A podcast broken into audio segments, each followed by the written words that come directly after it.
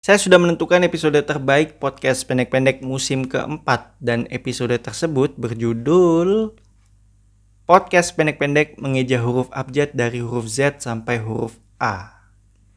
Ya, jujur saja saya menikmati proses pembuatan episode tersebut ya, mulai dari menulis liriknya, kemudian mencari lagu instrumentalnya, kemudian menyanyikan lagu tersebut ya. Walaupun ketika saya menyanyikan sebuah lagu, saya merasa suara saya itu kurang bagus ya dan itu sudah terbukti di musim sebelumnya. Ya. Nah, tadi episode terbaik podcast pendek-pendek musim keempat menurut saya. Kalau menurut kalian, apa episode terbaik podcast pendek-pendek musim keempat?